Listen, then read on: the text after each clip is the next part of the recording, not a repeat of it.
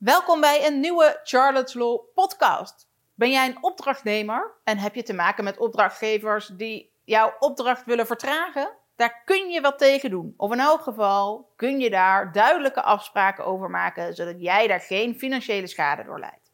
In deze podcast geef ik je twee oplossingen hiervoor. Dus blijf vooral even luisteren. Charlotte, de social media jurist van Nederland.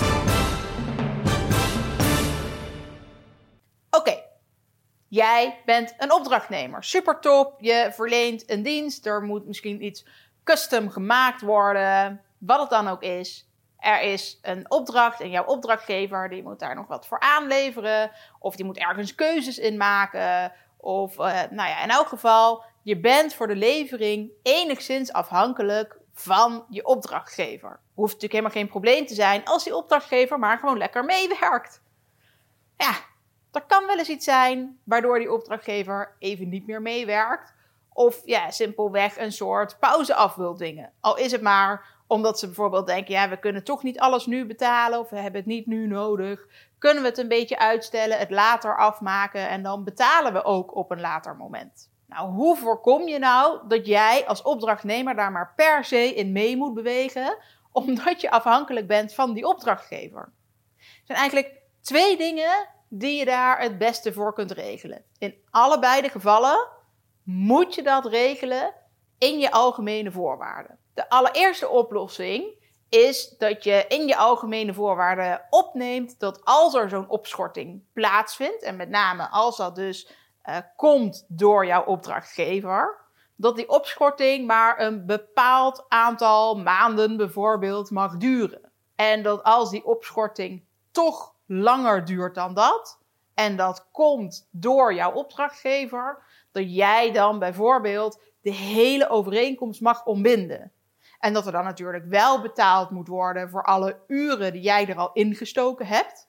Uh, maar dat je dus niet meer verder alles af hoeft te maken. Kan dus zijn dat jij wel werk al hebt gedaan, er al uren in hebt gestopt, maar er dus eigenlijk nog geen product is en nog niet echt iets is wat jij daadwerkelijk kunt leveren. Dus dat voor het gevoel van jouw opdrachtgever die betaalt voor niks. Ja, dat is dan heel vervelend voor die opdrachtgever, maar ook een beetje zijn eigen schuld natuurlijk. Of haar eigen schuld. In elk geval de schuld van je opdrachtgever. Kortom, dat moet je simpelweg goed formuleren. Het is ook belangrijk dat die opschorting hier dan het probleem is van die opdrachtgever. Dat dat door die opdrachtgever komt. Omdat die geen keuzes wilde maken, omdat die de pauze in wilde lassen, etc. Nou, vind jij het nou eigenlijk helemaal niet erg als die opschorting een tijdje duurt, maar wil je vooral dat jouw tarief ook mee zou kunnen stijgen, is ook dat iets wat je op moet schrijven. Bij consumenten mag dat zelfs ook. Het kan zijn dat je zegt, nou, als uh, de levering van iets wat besteld is langer dan drie maanden duurt, dan mag jij daarna je prijs verhogen. Maar dat is dan voor die consument ook wel een reden om de hele overeenkomst te mogen ontbinden. En dus te kunnen zeggen, ja, maar tegen die hogere prijs wil ik eigenlijk het hele product niet meer hebben. Kortom, zomaar een prijs verhogen zit er nou ook weer niet in. Het belangrijkste is dus vooral dat je eigenlijk iets regelt met mag die opschorting wel? Of wat is anders het gevolg van die opschorting?